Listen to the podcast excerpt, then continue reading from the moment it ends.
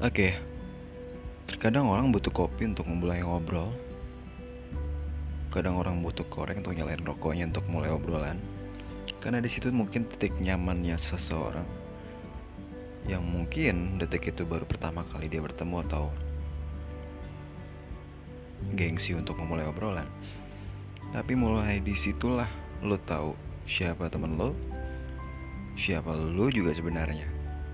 Mendengarkan kadang lebih baik daripada lo terus ngoceh.